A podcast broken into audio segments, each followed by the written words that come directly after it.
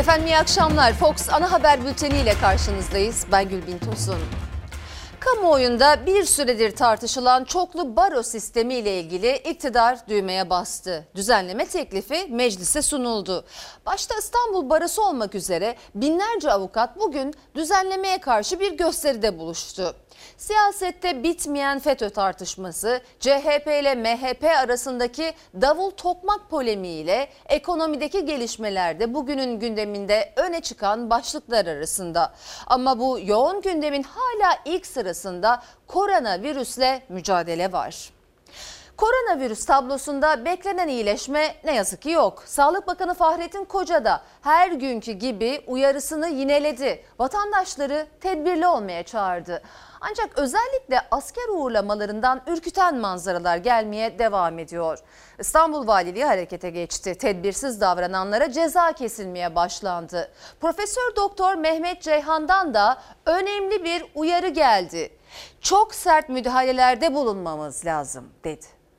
Maske sınırına kadar çekiyor. Maske çenede korumuyor hiçbir şekilde. Gördük ki normalleşme bizim beklediğimizden çok daha olumsuz etkiledi. Yoğun bakıma yatan hasta sayısı 12 gündür sürekli artıyor. Dikkat ederseniz belirgin bir hiç her gün istisnasız artıyor. Hem yoğun bakıma alınan hem de solunum cihazına bağlanan hasta sayısı artıyor. 29 Haziran koronavirüs tablosu da 1374 yeni vaka 18 vefatla bir önceki güne kıyasla kötüye gidişatı işaret etti. Sağlık Bakanı Fahrettin Koca da dikkat çekti. Vaka sayımız dünkünden 18, bugün iyileşenlerdense 160 fazla dedi kararlı ve tedbirli olmaya çağırdı. Uzmanlarsa koronavirüsle mücadelede ilerleme kaydedilemiyor olmasının ekonomi göz önünde bulundurularak atılan normalleşme adımlarından kaynaklandığını belirtiyor. Bu şekilde normalleşirseniz, bütün tedbirleri birden kaldırırsanız böyle vaka artışları yaşarsınız. Bu kaçınılmaz. Çok sert müdahalelerde bulunmak lazım. Yani sadece maske yatakları, yasakları getirilerek bunu böyle kısa sürede çok düşük rakamlara indirmek kanımca mümkün değil. 1 Haziran'da normalleşmeye gidildi. 11 Haziran'da 65 yaş üstü sokağa çıkmaya başladı. Mayıs sonunda binin altına inen yeni vaka sayıları son bir aydır arzu edilen düzeyde değil. Normalleşme ekonomik şartların işlemesi içindi. Ancak kimi yerlerde sokağa yansıması farklı oldu. Asker uğurlaması ya da nişan düğün kutlaması için kol kola halay çekenler gibi tüm önlemlere rağmen duyarsız davrananlar hastalığı hem çevresine hem de de evindeki büyüklerine taşıyor. Covid-19 tedbirlerine uyulmadan yapılan asker uğurlamaları haberlerine giderek daha fazla rastlıyoruz. Uğurlamaları bu şekilde yapanlar kendilerine iyilik, arkadaşlarına arkadaşlık yapmıyor. Arkadaşının vatani görevine pozitif tanı konmuş olarak başlamasını hangi arkadaş ister? Tepki çeken uğurlama görüntülerine Sağlık Bakanı Koca da duyarsız kalamadı. Sosyal medyadan seslendi gençlere. İstanbul Valiliğinden de uyarı geldi. Asker uğurlaması için kuralları ihlal edenlere cezai işlem uygulanıyor denildi. Kağıthanede tünel kapatan 5 kişiye 15.900 lira para cezası kesildi. Devam et abi, devam et, devam et. Gelen şahıs maskesizdi. Dedik uygun bir dille maskeni tak dedik. O dedi ben dedi maske takmadım, takmadan konuşmak istiyorum dedi. Cezası var dedim. Artı dedi burası sağlık kuruluşu. Maske takma zorunluluğunun olduğu illerden İzmir'de bir hasta kendisini maske takması yönünde uyaran doktoru yanındaki iki yakınıyla birlikte dövdü. Gözaltına alındılar. Dünyada da durum benzer. Aşı geliştirme çalışmalarında henüz somut bir sonuç alınamazken endişe verici haberler gelmeye devam ediyor. Virüsün artık daha hızlı yayıldığını söyleyen Dünya Sağlık Örgütü salgın sona ermeye yakın bile değil açıklaması yaptı. Covid-19'un yayılımı hızlandı. Dünya Sağlık Örgütü korkutan açıklamayı yaptı. En kötüsü henüz gelmedi dedi. Avrupa'da vaka sayıları artarken Avrupa Birliği 1 Temmuz'dan itibaren 15 ülkeye kapılarını açacağını duyurdu. Çin'in şartlı olarak yer aldığı listede Türkiye yok. Salgının sıfır noktası Çin'de ise yeni grip virüsü tespit edildi. Küresel salgına dönüşebileceği uyarısı yapıldı. Dünyanın bir numaralı gündemi Covid-19. Aşı geliştirme çalışmaları sürerken vaka sayılarındaki artış endişe verici boyutlara ulaştı durumun kötüleştiği ülkelerin başında vaka sayısının 2 milyon 700 bine yaklaştığı Amerika var. Hastalık Kontrol ve Önleme Merkezi salgının birçok eyalette kontrol altına alınamayacak kadar hızla yayıldığını açıkladı. Hızla artan vakaların ardından yasaklar peş peşe geldi. Maske takma zorunluluğu getirildi, plajlar kapatıldı. Kapalı mekanlarda yemek servisi yapılması yasaklandı. Salgının merkezi olan ülkeden gelen son rakamlarda iç açıcı değil. Son 24 saatte 368 kişi ölürken yeni vaka sayısı 45 bini geçti. Avrupa'da da durum farklı değil. Durumun endişe verici boyutlara ulaştığı yerlerden biri Sırbistan'ın Sancak bölgesi. Müslüman boşnakların ağırlıkta olduğu bölgenin 200 bin nüfuslu kenti Novi Pazar'da hem vaka hem de can kayıpları tırmanışta. Sırp yönetimi sırt çevirdiği bölgede ölüm olmadığı, vakaların da abartıldığı iddiasında. Yerel halksa Novi Pazar'da en az 15 bin vaka olduğunu, günde 200'e yakın kişinin hastaneye kaldırıldığını söylüyor.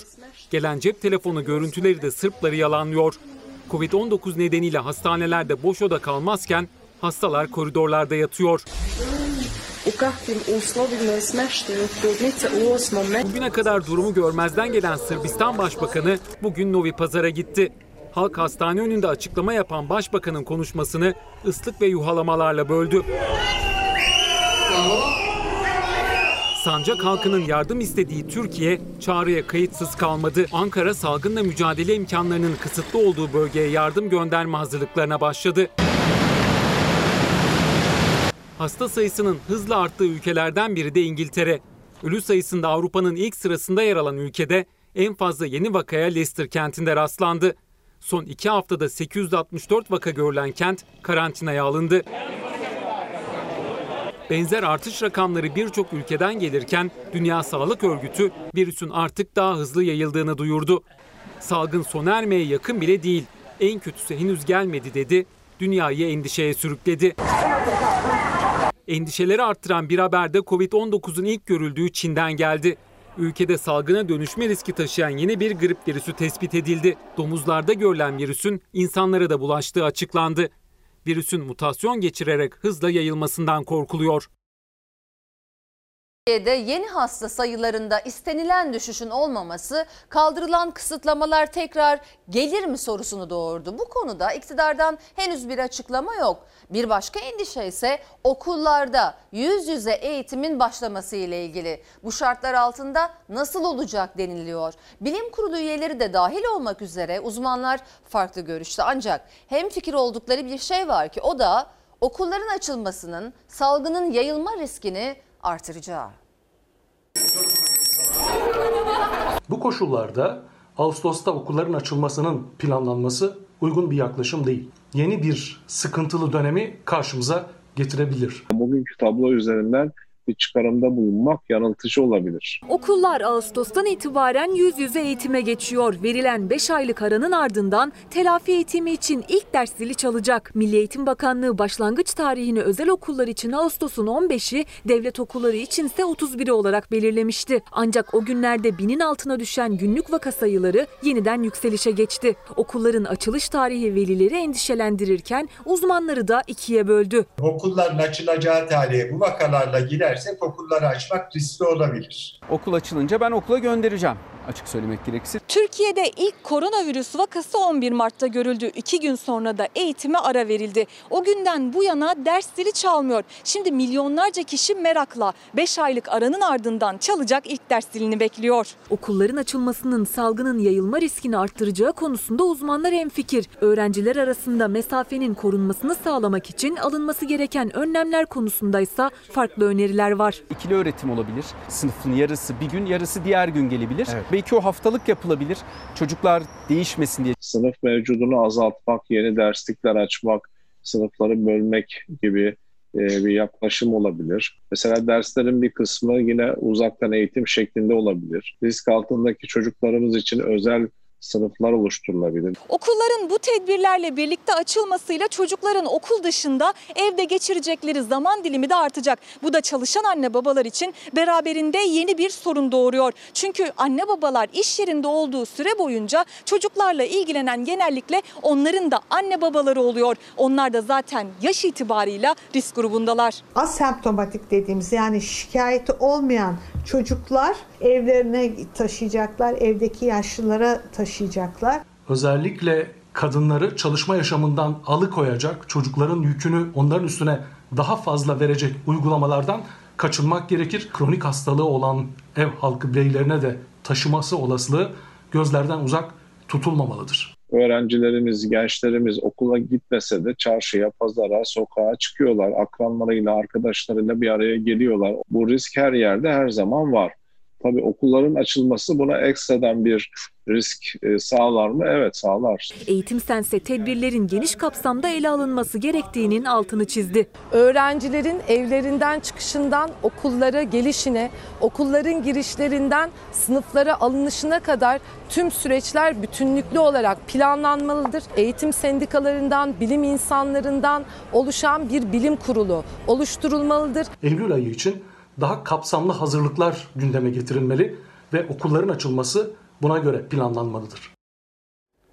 Sayın seyirciler hem terör hem de uyuşturucu operasyonlarında büyük bir başarıya imza atıldı. İki yıl önce PKK'lı teröristlerin bombalı tuzağında şehit olan 11 aylık Belirhan bebek ve annesinin kanı yerde bırakılmadı. Aranan terörist etkisiz hale getirildi. Cumhuriyet tarihinin en büyük uyuşturucu operasyonu bataklıksa 9 ülkeyle birlikte yapıldı. Çete üyelerinin lüks yaşamı dikkat çekti.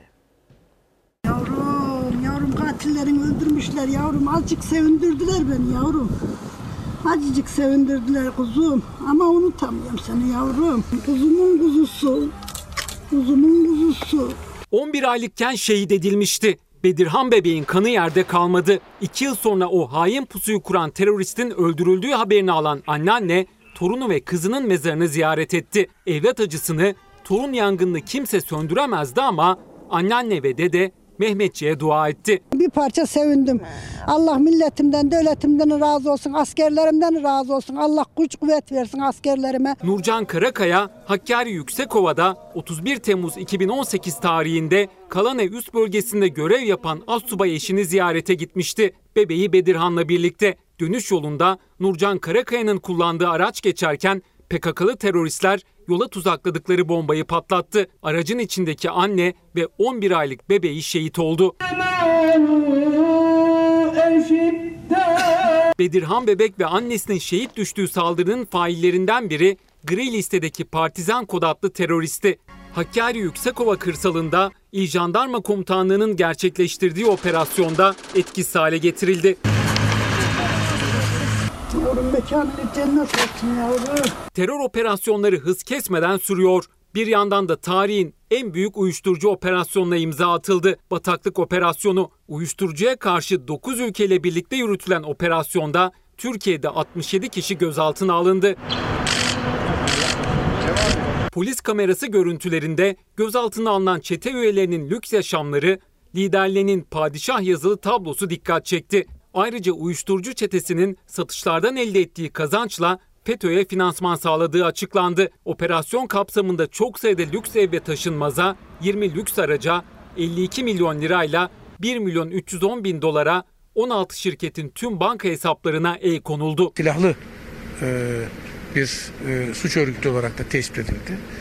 Örgütün iki tepe yöneticisi var ve örgütün iki tepe yöneticisinin yöneticisi de bir tanesi e, gerek Brezilya gerek Hollanda'da 26 yıllık e, hapis cezası ve kırmızı bülteni e, söz konusu. Sayın seyirciler Sağlık Bakanı Fahrettin Koca bugüne ait koronavirüs tablosunu açıkladı. Hemen verileri sizlerle paylaşalım. Bugünkü test sayısı 50.492. Düne göre düşüş var test sayısında. Biraz sonra karşılaştırmaları zaten göreceksiniz ekranda da. Bugünkü vaka sayısı 1293. Bugünkü vefat sayısı 16 ne yazık ki Allah'tan rahmet diliyoruz hayatını kaybeden vatandaşlarımıza. Bugün iyileşen hasta sayısı 1302 ve toplam rakamlara gelelim, toplam verilere gelelim. Toplam test sayısı 3 milyon 381 bin 650 oldu. Toplam vaka sayısı ne yazık ki 199 bin 906'ya ulaştı. Toplam vefat sayısı 5131. Toplam yoğun bakım hasta sayısı 1026. Toplam entübe hasta sayısı 368. İyileşen hasta sayısı toplamda 173 bin 111 oldu. Dünkü rakamları da ekranlarınıza getirelim. Bakalım dün 51.014 test yapılmış. Dediğim gibi test sayısında ufak bir düşüş var 50.492. Dün 1374 vatandaşımızı kaybetmişiz. Bugün 1293'e düşüyor rakam. Dün 18 vatandaşımızı kaybetmişken bugün 16 vatandaşımızı kaybettik. Dün 1214 hastamız iyileşmişken bugün iyileşen hasta sayımız 1302. Göreceli olarak yani düne göre e, bir miktar e, rakamlarda verilerde iyileşme var diyebiliriz. Doktor Fahrettin Koca'nın bizlere mesajı var. Onu da aktaralım. Düne kıyasla entübe hasta sayımızda 7 azalma, yoğun bakım sayımızda ise 8 artış var diyor. Günlük test sayı, sayılarımız yakın. Biraz önce aktardım. Yeni vaka sayımız dünden 81 az. Yeni iyileşen hasta sayısıyla yakın. Evet bu karşılaştırma hep yapıyoruz. Yeni vaka sayısı dünden 81 az. Yeni iyileşen hasta sayısıyla yakın. Vaka sayılarını azaltmada yeterince kararlı tedbirlerde dikkatli değiliz. Aynı uyarıyı dün de yapmıştı. Doktor Fahrettin Koca vaka sayılarında azaltmada yeterince kararlı, dikkatli değiliz diye uyarıyor efendim aktarmış olalım. Devam ediyoruz. Sayın seyirciler son günlerin en sıcak gündemi barolarla ilgili tartışmaya geçeceğiz şimdi. AK Parti çoklu baro düzenlemesini meclise sundu. Bültenin başında aktarmıştık. Taslağa göre avukat sayısı 5000'in üzerinde olan İstanbul, Ankara ve İzmir'de en az 2000 avukatla yeni baro kurulabilecek. AK Parti'nin hazırladığı, MHP'nin destek verdiği 28 maddelik kanun teklifinin meclise gelmesiyle muhalefetten sesler daha da sert yükseldi.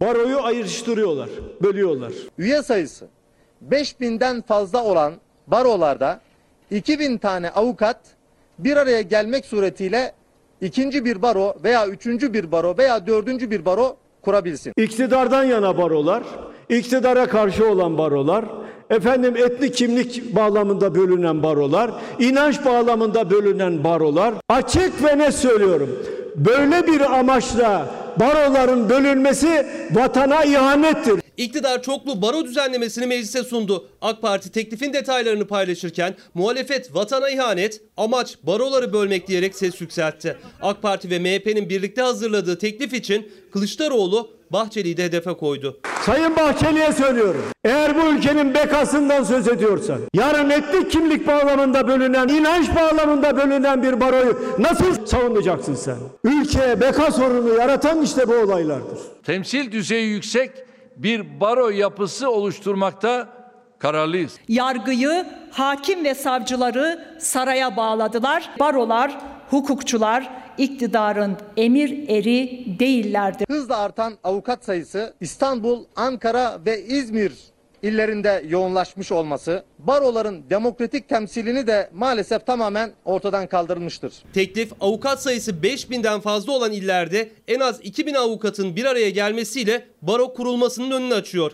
Üye sayısı 5000'in üzerinde 3 il var. Ankara, İstanbul ve İzmir. Yani çoklu baro düzenlemesi 3 büyük şehir için. Örneğin 46 bin avukat olan İstanbul'da ayrı ayrı 23 baro kurulabilir. Avukat bir arkadaşım artık yakında hukukla işi olan bize değil de iktidar partisinin dedi teşkilatlarına gidecek. Acaba bugün İstanbul, Ankara ve İzmir baroları başta olmak üzere baro başkanları siyaset yaparken onların bu siyasi tavırları yargıyla ilgili münasebetlerinde bir olumsuzluğa neden olmuyor mu? Bir ülkede iki tane odalar ve borsalar birliği başkanlığı olur mu? Bir tane olur. Bir ilde iki tane sanayi odası olur mu? Bir ilde iki tane ticaret odası olur mu? Ülkeyi bölme ve parçalama yolunda atılan adımlardan birisidir. İstanbul, Ankara ve İzmir baro yönetimleri avukatların toplamının %16'sının oyun alıyor. Barolar Birliği'nde %100'ü belirliyor. Düzenlemeyle baroların Türkiye Barolar Birliği'ndeki temsili de değişiyor. Barolar Türkiye Barolar Birliği'nde 3 delege ve bir başkanla temsil edilecek. Avukat sayısı 5000'in üzerinde olan barolara her 5000 avukat için ek delege hakkı tanınacak. Yani yeni sistemle 138 delegesi olan İstanbul Barosu'nun delege sayısı 14'e düşecek. Ankara Barosu'nun 7'ye, İzmir Barosu'nun ise 5'e. Bu ucube Türkiye'yi bölmeyi amaçlayan teklife hep birlikte karşı çıkacağız. Hep birlikte karşı çıkacağız.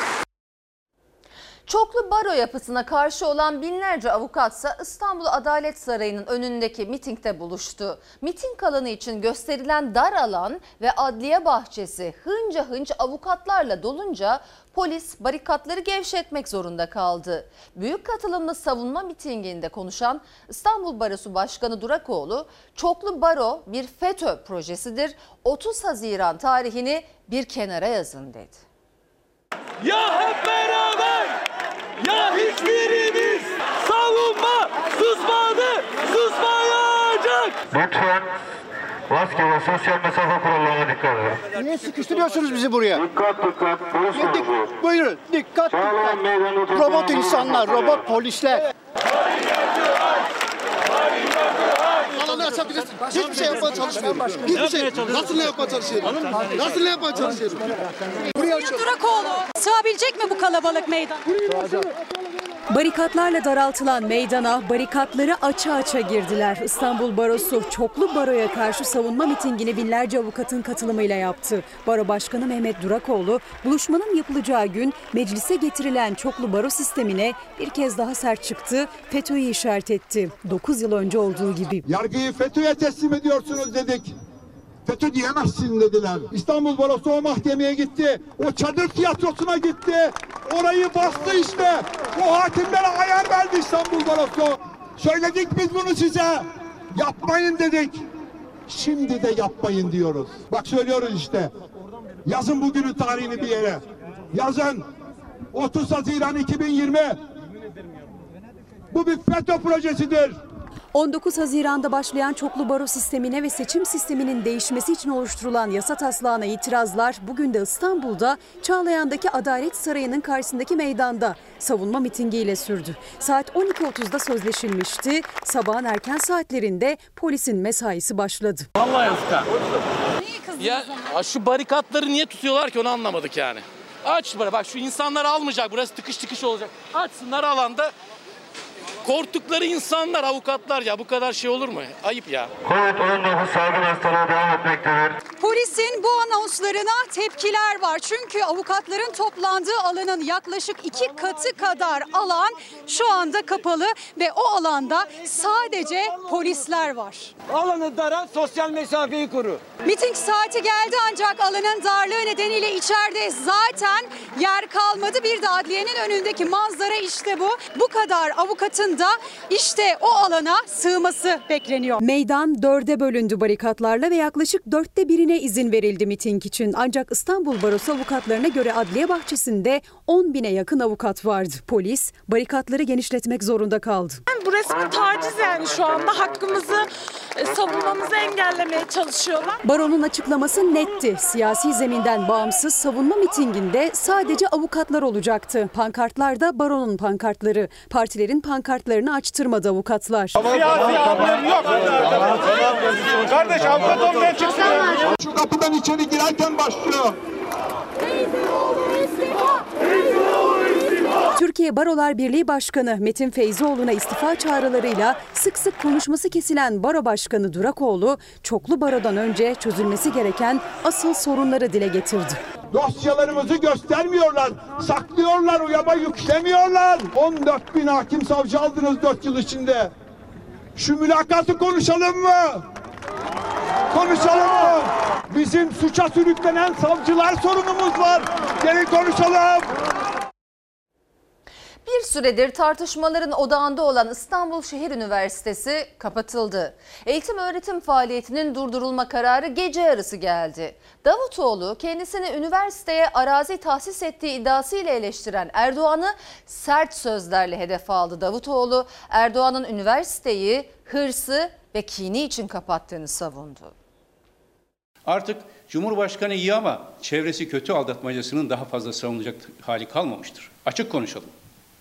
Bugün üniversiteye el koyan da, eğitim hayatına darbe vuran da, siyasi hırsı ve kini için artık hiçbir engel tanımayan da bizatihi bu Cumhurbaşkanı kararına imza atan Cumhurbaşkanı Erdoğan'dır. Gece yarısı gelen şehir üniversitesinin kapatılması kararına sert sözlerle tepki gösterdi Ahmet Davutoğlu. Gelecek Partisi lideri yaşadığı hayal kırıklığını kızıyla arasında geçen diyalogla dile getirdi. Geçmişi hatırlattı. Gözlerimin içine bakarak, baba onlar senin bizim büyüme çağımızda yüzünü dahi görmemize engel olacak şekilde hizmet ettiğin en yakın arkadaşların değil mi diye soran ve sorgulayan kızıma verdiğim cevap bütün gençlere dönük de samimi mesajımdır. Hakikatleri söylemek bedel ödettirir. Davutoğlu'nun da hatırlattığı gibi şehir üniversitesinin açılış töreninde bir aradaydılar. Dönemin Cumhurbaşkanı Abdullah Gül'ün de katıldığı törende Erdoğan kürsüdeydi. Özgür düşüncenin merkezi olması gereken üniversiteler ne yazık ki yıllarca yasaklarla anıldı.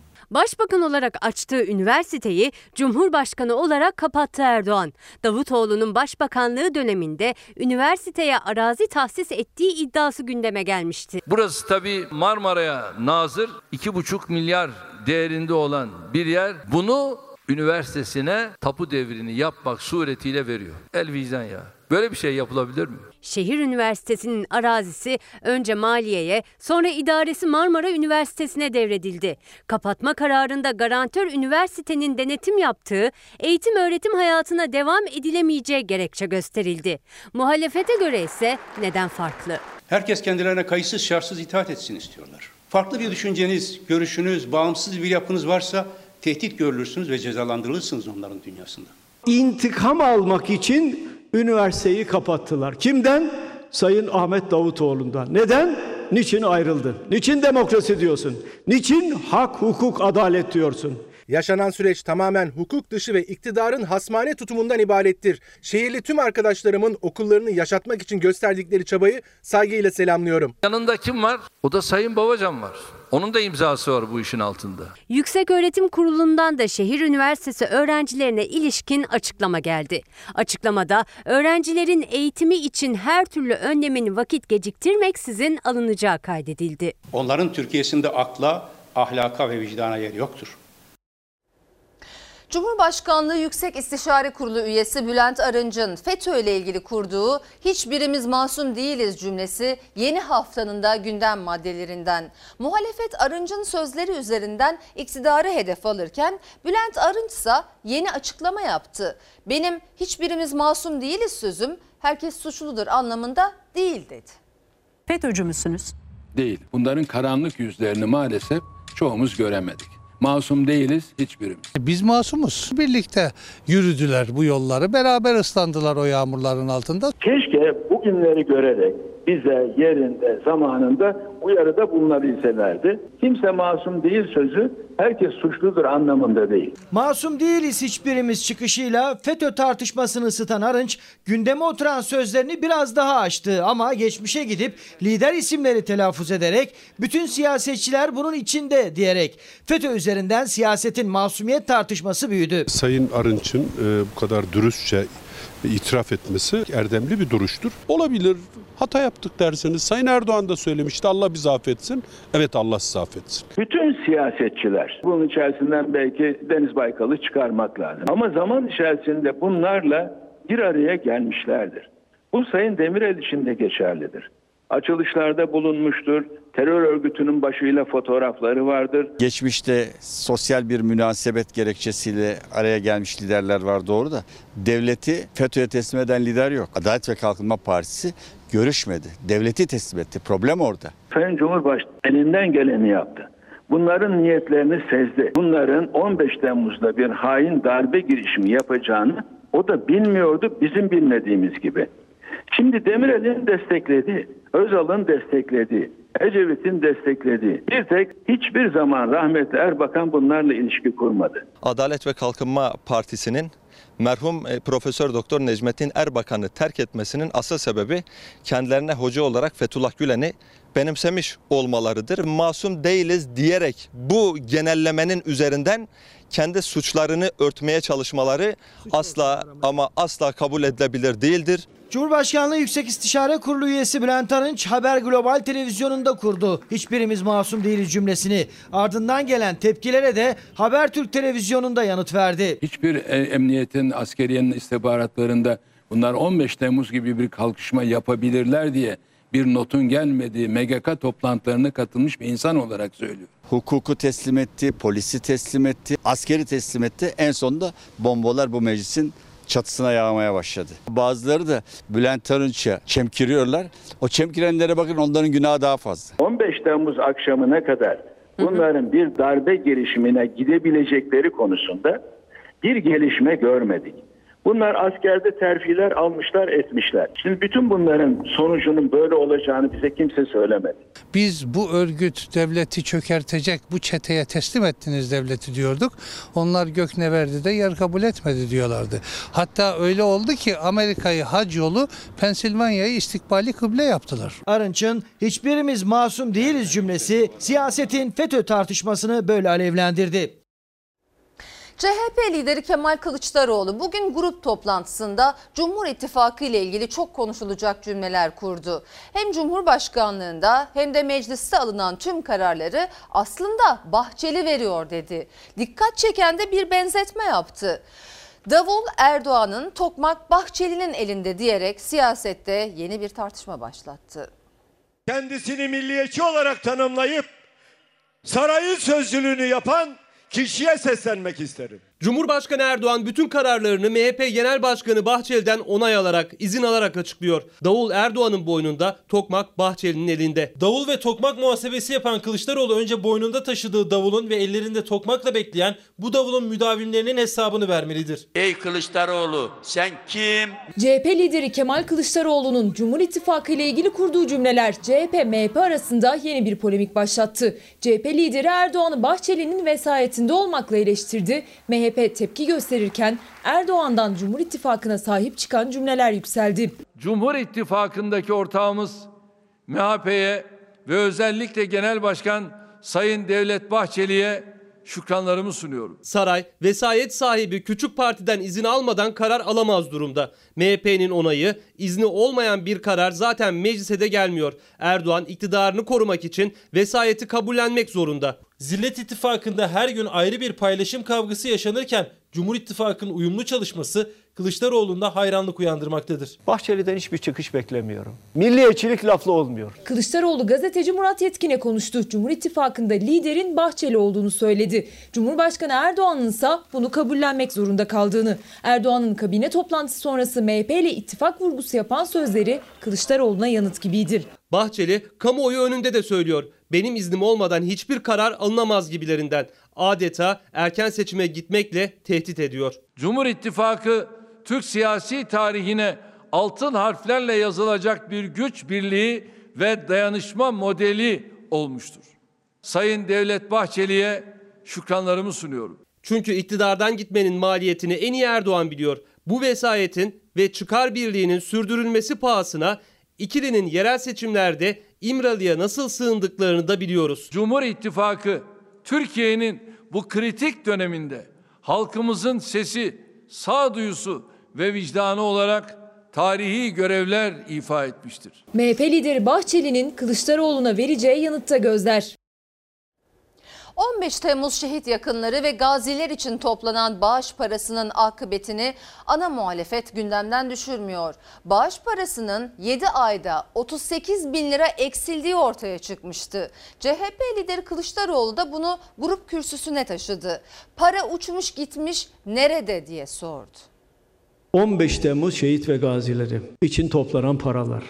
Nerede bu paralar? 38 milyon uçmuş nereye gittiği belli değil. 15 Temmuz şehit yakınları ve gaziler için toplanan bağış parasının 7 ay içinde 38 bin lira eksilmesi CHP liderinin de gündemindeydi. Kılıçdaroğlu Cumhurbaşkanı'nı hedef aldı. Vatandaş bunlara bağış yaptı. Ama sen sarayda oturan zat aldın bu parayı yedin. Toplam 338 milyon 971 bin 731 TL ve 97 kuruş tek hazine kurumları hesabına aktarılmıştır. Hazine tek hesabında tutulan bağış parasının bir süre sonra da Türkiye Şehit Yakınları ve Gaziler Dayanışma Vakfı'nın hesabına aktarıldığını açıkladı iktidar. CHP'nin sert eleştirilerine Zehra Zümrüt Selçuk para nemalandırılıyor diyerek yanıt verdi. Para şehit yakınları ve gaziler için harcanacaktır. Tek kuruşuna dokunulmadığı gibi para nemalandırılmıştır. 251 şehit var. 2000 küsür gazi var toplanan bir para var. 338 milyon lira. Ama bakıyorsunuz 7 ayda da 38 bin lira azalıyor. Bu para niye azalır? Artması gereken bir para. Bakanın nemalandırıyoruz demesine rağmen bağış parasının 7 ayda azaldığı ortaya çıktı. Aralık ayında Cumhurbaşkanı Yardımcısı Fuat Oktay toplanan miktarı 338 milyon 971 bin lira olarak açıklamıştı. Aile Çalışma ve Sosyal Politikalar Bakanlığı ise hesapta 338 milyon 933 bin lira var dedi. CHP'li Murat Emir'in soru önergesine verilen yanıtta bakanlığın açıkladığı rakam 7 ay önce Fuat Oktay'ın açıkladığı rakamdan 38 bin lira az. Uçmuş nereye gittiği belli değil. O günün dolar kuruyla bugün top, bugün hesapladığımızda 600 milyon lira. Nerede bu para? Kılıçdaroğlu bağış parasının aylar içinde azalması değil artması gerektiğini söyledi. Eksilmesinin nedenini sordu. Neden şehit yakınları ve gazilere dağıtılmadığını. Bu Emniyet Genel Müdürlüğü'nün Beşiktaş saldırısında hayatını kaybeden polisler için yaptığı bir anma. Onlar için toplanan 52 milyon ne oldu? CHP lideri 15 Temmuz şehit yakınları ve gazilerle Beşiktaş saldırısında şehit düşen polisler için toplanan bağış paralarını gündemden düşürmüyor. Aile, Çalışma ve Sosyal Politikalar Bakanı Zehra Zümrüt Selçuk ise sessiz. Hakkı olana hakkı teslim edilmediği için soruyorum. Adalet vicdanı için soruyorum. Hayatını kaybedenlerin hakkı için soruyorum. Beylerde tık bile yok tık. İşçileri uzun bir aradan sonra sokağa çıkaran kıdem tazminatı düzenlemesiyle ilgili tartışmalar CHP lideri Kemal Kılıçdaroğlu'nun da gündemindeydi. Kılıçdaroğlu grup kürsüsünde Türk İş'in bildirisinden maddeler okuyarak işçinin yanındayız mesajı verdi. Kıdeme uzanan eller kırılsın. Kıdem tazminatı Türkiye işçi sınıfının ve Türk işin kırmızı çizgisidir. Kıdem tazminatı hakkından hiçbir şekilde vazgeçilemez. Bir gün önce işçilerin sokaktan yükselttiği ses mecliste duyuldu. CHP lideri Kılıçdaroğlu grup toplantısında Türk İş'in bildirisindeki iki maddeyi okudu. İşçi gibi işveren de kıdem fonu düzenlemesine karşı Türkiye Odalar ve Borsalar Birliği Başkanı Rifat Sarcıklıoğlu işverene getireceği maliyet üzerinden çekincelerini hem Erdoğan'a hem de Çalışma Bakanı'na iletti. Kıdem tazminatının fona devredilmesi, süresinin azaltılması gibi her türlü girişim karşısında işçinin haklı tepkisi ve talepleri kararlılıkla savunulacaktır. Her bir işçimizin kazanılmış hakkını korumak bu ülkenin cumhurbaşkanı ve kendisi de işçilikten gelen bir ferdi olarak en başta gelen görevimizdir. Cumhurbaşkanının kazanılmış hak vurgusu işçilerin kafasındaki soru işaretlerini gidermedi. Tamamlayıcı emeklilik sistemi adıyla hükümetin yeniden işçi ve işverenin önüne getirdiği kıdem tazminat fonu düzenlemesine karşı Türkiye'nin dört bir yanında eylem yaptı Türk İş ve Disk. Hak işte sadece işçi lehine bir düzenlemeyi tartışabiliriz dedi. Tipik darbe dönemine özgü bir davranış. Ne diyorlar? İşçilerin elinden kıdem tazminatını alalım diyorlar. Amacımız işçilerimizin kıdem tazminatı haklarını birilerinin insafına bırakmadan kalıcı ve garantili bir sisteme bağlamaktır. Türk işi de, diski de, hak işi de kıdem tazminatına sahip çıktıkları sürece onların parlamentodaki temsilcisi olmaya devam edeceğiz. Kılıçdaroğlu kıdem tazminat fonu düzenlemesine karşı Türk İş, Disk ve Hak İş'in yanında olduklarının altını çizdi. Cumhurbaşkanının işçi ve işverenle yaptığı kıdem tazminatı görüşmesinde Türkiye Odalar ve Borsalar Birliği Başkanı Rifat Sarcıklıoğlu da 1 milyon 200 bin şirketi temsilen yaptığı konuşmada fon düzenlemesine hayır dedi. Gerekçesi işverene maliyeti. AK Parti'ye, Milliyetçi Hareket Partisi'ne oy veren bütün vatandaşlarıma sormak istiyorum. Kendi ülkesinin milli silah fabrikasını yabancı bir orduya peşkeş çeken kişiye ne denir? Ben söyleyeyim vatan haini denir. CHP lideri hemen her grup toplantısında olduğu gibi son sözlerini yine Sakarya'daki tank palet fabrikasının Katar ortaklı özel bir şirkete devrini eleştirerek bitirdi. Ama bu kez tartışmayı bir adım ileri taşıyacağını da söyleyerek Savunma Bakanlığı'nın zarara uğratıldığını iddia ederek. Tank palet fabrikası Milli Savunma Bakanlığı bütçesini soygun fabrikasına dönmüş durumda. Yakında onun faturalarını da getireceğim buraya. Senin yerliliğinde batsın, milliliğinde batsın. Memurlar özellikle de emekliler Haziran enflasyonunun açıklanmasını bekliyor. Çünkü maaş zamları netleşecek ama çok da heyecana değiller. Çünkü ne kadar zam gelirse gelsin hayat standartlarında bir düzelme olmayacağı inancındalar. İstanbul'da yaz sıcağında emekliler eylem yaptı bugün. Taleplerini bir kez daha dile getirdiler. Emekli aylıklarına yapılan Temmuz zamının emekliler haftasına denk gelmesi Ve fakat bu zammın gerçek fiyat artışlarıyla, enflasyonla, ekonomik krizle uzaktan yakından ilgisi olmadığını trajikomik bir gerçektir. Yıllarca alın teri akıttılar, emekli oldular ama emeklerinin karşılığını alamadıkları için eylemdeler.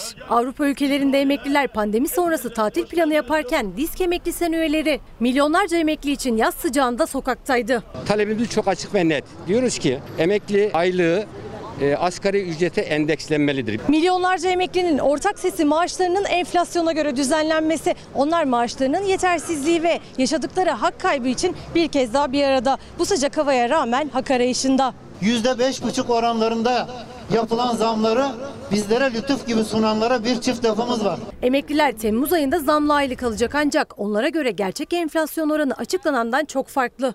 En düşük emekli maaşı 1500 lira. 13 milyon emeklinin 6 milyonu emeklilik sonrası ikinci bir işte çalışmak zorunda kalıyor. Büyük çoğunluğuysa yoksulluk sınırının altında yaşıyor. Çok sıkıntı yaşıyoruz kardeşim. Yani aldığımız ücretler bir gün ev kiralarını düşünecek olursak bir peynirin 50 lira olduğu bir rakamdan bahsediyoruz. Bir yumurtanın kolisinin 18-20 liradan bahsediyoruz.